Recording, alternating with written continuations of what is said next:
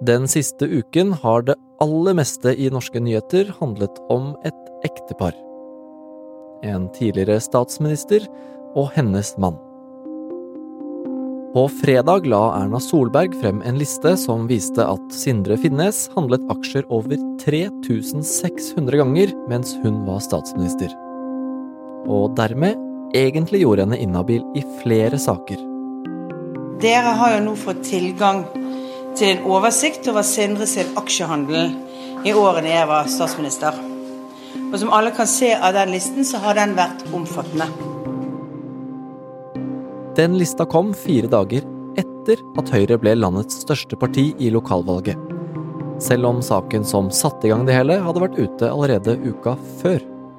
Så da blir spørsmålet hva visste egentlig Erna? Og når visste hun det? Du hører på Forklart fra Aftenposten, hvor vi forklarer én nyhet i hver episode. I dag om hva som skjedde i dagene før aksjesjokket. Det er onsdag 20. september, og jeg heter David Vekoni. For første gang siden 1924 så heter altså landets største parti Høyre.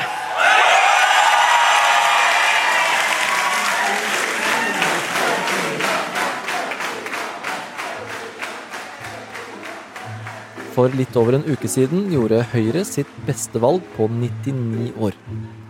Fire dager etter går Erna Solberg igjen opp på talerstolen og forteller noe vanskelig om mannen sin. Og det gjør vondt for meg å være så hard mot Sindre som jeg er i dag. Anne Sofie Bergwall, økonomijournalist i Aftenposten E24.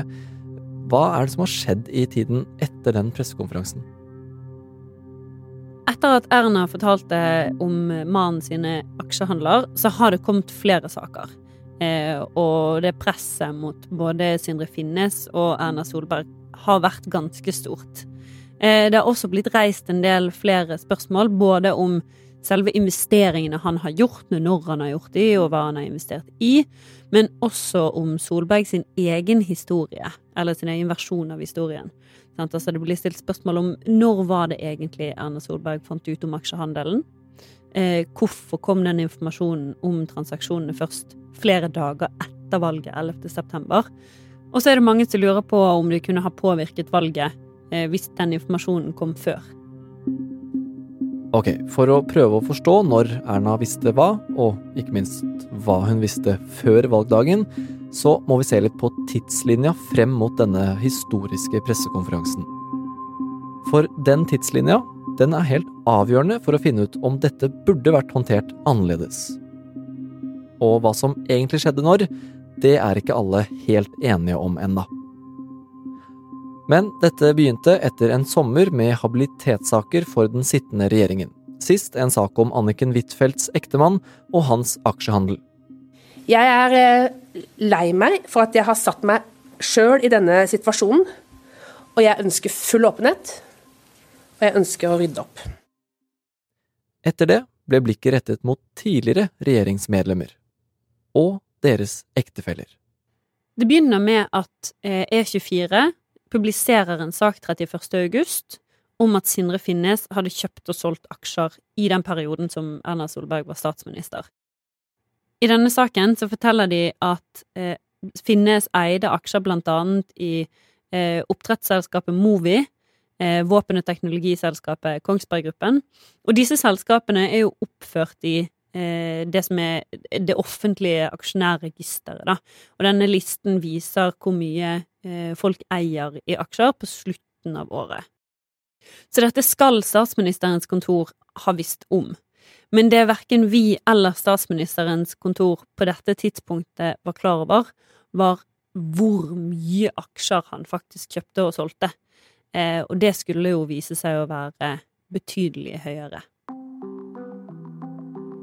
Allerede de første årene Erna Solberg satt som statsminister, ble det skrevet noen saker om Sindre Finnes aksjeportefølje, uten at det ble noe særlig mer oppstyr da. Men nå i slutten av august begynner altså E24 igjen å se nærmere på aksjehandelen hans. På dette tidspunktet 31. august, er det elleve dager til valget. Dagen etter, 1. september, spør E24 Sindre Finnes om en fullstendig liste over hans transaksjoner. Altså den lista som til slutt ble lagt frem av Erna på pressekonferansen. Men 1. september svarer ikke Finnes på dette. E24 får ingen komplett liste. Samme dag publiserer også Finansavisen en sak om 22 aksjehandler som Finnes gjorde mens Solberg var statsminister. Men de ber ikke om en kommentar fra verken Sindre Finnes eller Erna Solberg. Og denne artikkelen nevnes heller ikke i Høyres tidslinje, som de la frem tirsdag kveld, altså i går. Men Solberg kommenterer saken tirsdag kveld. Hun forteller at da hun oppdaget saken noen dager senere, oppfattet ikke hun at den inneholdt informasjon som endret saken. Altså Omtrent på samme tid så var også Aftenposten på sporet. Eh, og allerede mandag 4. september så ber eh, eh, våre politiske journalister om å få se hele listen over aksjehandler som Sindre Finnes gjorde mens Erna Solberg var statsminister. Og da fikk de beskjed av Solberg sin pressesjef om at dette skulle tas videre. Og i dagene etter så fortsetter E24 også å presse på den samme forespørselen. Når de ikke får lista fra Finnes, graver de i stedet selv frem en ufullstendig liste over 22 transaksjoner.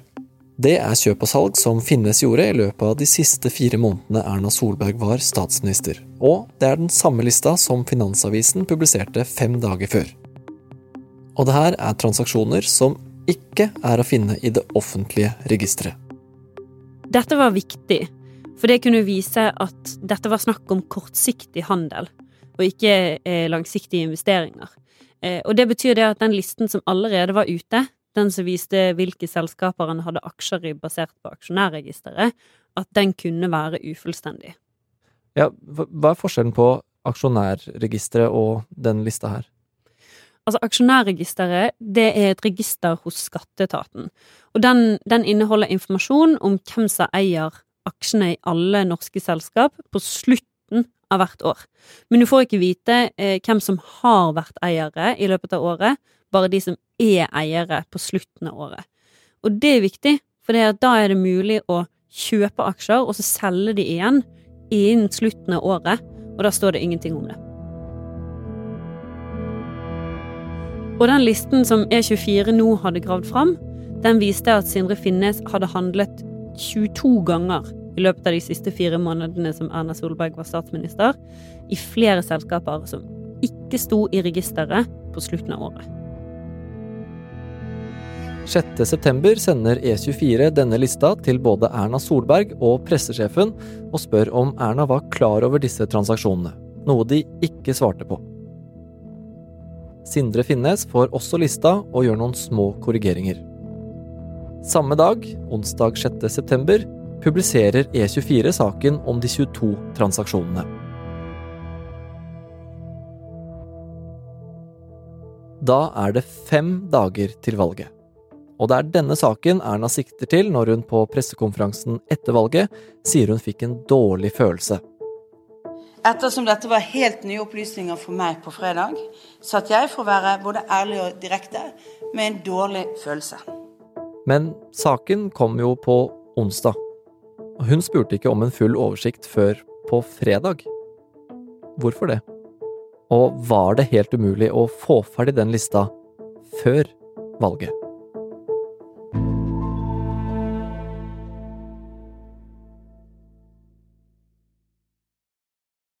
7. september ber E24 Erna Solberg for første gang om en komplett liste over Finnes sine aksjehandler.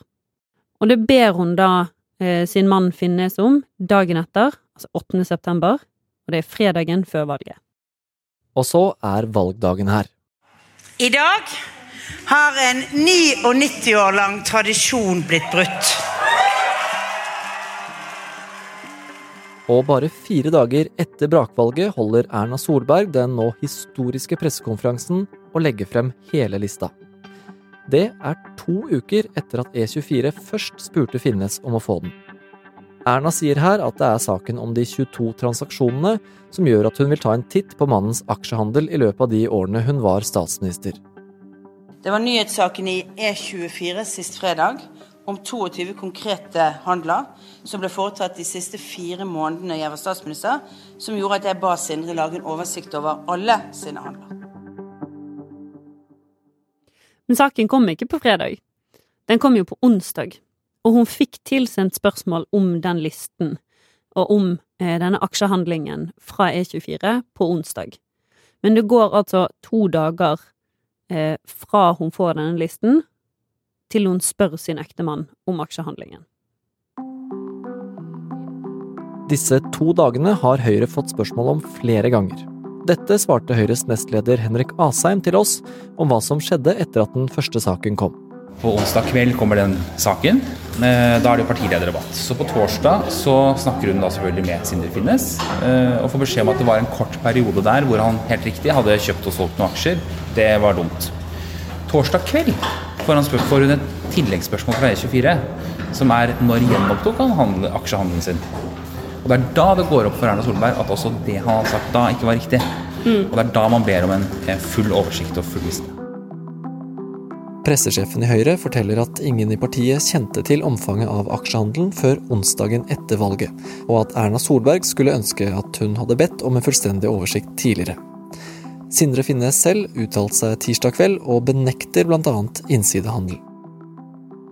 Anne Sofie, eh, det er altså litt uenighet om denne tidslinja og hvem som fikk en følelse når og sånn, eh, og det kommer sikkert til å bli diskutert mer. Eh, men hva skjer videre nå? Altså, denne saken kommer jo til å, å fortsette å rulle videre. Eh, og det er jo mange som stiller spørsmål om dette her med innsidehandel. Eh, hva visste Sindre Finnes om, om, kjøpene og salgene han gjorde? Visste han noe som ikke var offentlig kjent? Sant? Han satt jo på hjemmekontor sammen med, altså vegg i vegg med konen sin. Økokrim har jo sagt det at de vurderer å åpne etterforskning Eh, og jeg spurte Henrik Asheim om Høyre kan ha en leder som er under etterforskning av Økokrim. Eh, og da sa han det at eh, vi får ta det hvis det skjer. Det mange nå prøver å nøste opp i med denne tidslinja, er om Erna Solberg kan ha utsatt å ta tak i dette til etter valget. Lederen i Rødt mener at timingen for pressekonferansen var suspekt, mens lederen i LO mener Solberg kunne og burde vist mer åpenhet tidligere. Flere partier varsler at de vil kalle inn Solberg til kontrollhøring i Stortinget senere i høst. Og selv sier altså Solberg at det hadde vært umulig å få gjort dette før valget. Andreas Slettholm, eh, politisk kommentator her i Aftenposten. Eh, har du forståelse for at det var vanskelig å få dette ut før valget? Det er klart at uh, i en valgkamp så er det jo veldig mange andre ting man uh, holder på med. Uh, men jeg tror at det hadde vært mulig, hvis man ville, å si til velgerne på et tidligere tidspunkt at her har det skjedd omfattende aksjehandel i strid med regelverket. Og så blir spørsmålet på en måte om det var rimelig å, å forvente at de skulle gjøre det. De, det tok kanskje så lang tid å få det hele bildet. og så er det jo spørsmålet om det da Det er jo ikke irrelevant, eller det er i hvert fall vanskelig å tenke seg at de ikke har tenkt på timing i det hele tatt, og visst at det er et valg. Og det er den mistanken som er vanskelig eh, for Høyre å håndtere. Men hvis dette hadde kommet ut før valget, da, eh, hadde det hatt noe å si for eh, resultatet? Ja, det blir jo egentlig bare en spekulasjon, fordi det vil være en annen eh, virkelighet. Men TV 2 publiserte jo en undersøkelse der det fremkommer at i hvert fall 15 eh, av Høyre-velgerne ville stemt annerledes. Og med tanke på hvor jevnt dette valget var i flere av de store byene, i Oslo, i Bergen, i Trondheim, så ville det kunnet vippet flertallet hvis 15 av Høyre-velgerne hadde stemt annerledes. Men så er det jo forskjell på å svare det på en TV 2-undersøkelse og det å faktisk stemme annerledes. sånn at uh, jeg tror ikke vi skal uh, si med sikkerhet heller at en annen håndtering av denne saken ville gitt et helt annet uh, valgresultat. Høyre ville antagelig gjort et ganske godt valg uansett, og Arbeiderpartiet et ganske dårlig. Erna Solberg har fortsatt tillit fra fylkeslederne og sentralstyret i Høyre. Men noen fylkesledere sier samtidig at det er for tidlig å si om hun fortsatt er partiets statsministerkandidat i 2025. I undersøkelsen som ble gjort av TV 2, sier 31% av Høyre-velgerne at de mener hun bør gå av. Dette kommer jo litt an på hvordan, eh, hvordan saken forløper videre. Så jeg tror ikke det kommer noe krav fra grasrota i Høyre eh, om at uh, Erna skal gå. Eh, hvis hun går, så tror jeg det er en beslutning som hun uh, helt og fullt tar, og må ta selv. Ja, og hun har jo sagt foreløpig at hun ønsker å fortsette som partileder og stille til valg som statsminister i 2025. Hvordan er sjansen hennes der nå, da? Etter den saken her? Nei, Nå er det lenge til 2025, og jeg tror vel at uh, noen tenker at uh, dette også vil uh, blåse over. Men det, det, er klart denne saken er langt fra ferdig. Hvis du ser f.eks. på hva Høyres fylkesledere har sagt nå, så har de tillit til henne, men ikke til ektemannen, og de ber henne nærmest om å velge mellom uh, Sindre Finnes eller statsministerrollen.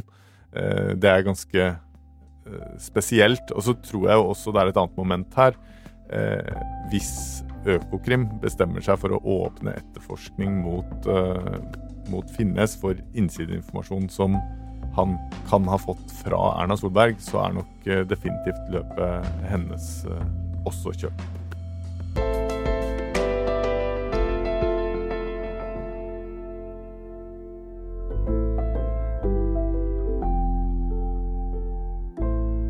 Du har hørt en podkast fra Aftenposten. Det var Anne Sofie Bergwall og Andreas Slettholm som forklarte deg veien frem til pressekonferansen og hva som skjer med Erna Solberg nå. Lyden du hørte hørt er fra VGTV og våre egne opptak. Denne episoden er laget av Jenny Førland og meg, David Vekoni, og resten av Forklart er Olav Eggesvik, Synne Søhol og Anders Weberg. Å spise, drikke, bil, dra på ferie, bare gå ut døra har blitt mye dyrere, og medisinen som skal fikse problemet Heve styringsrenten med 0,25 prosentenheter til 4% er renta. Men når renta stiger, så blir jo boliglånet sykt dyrt òg. Må det være sånn? I podkasten Dypdykk undersøker vi de store spørsmålene om tida vi lever i, og prøver å gi deg svarene du ikke bare kan google deg fram til. Du finner den hos Aftenposten eller Podmy.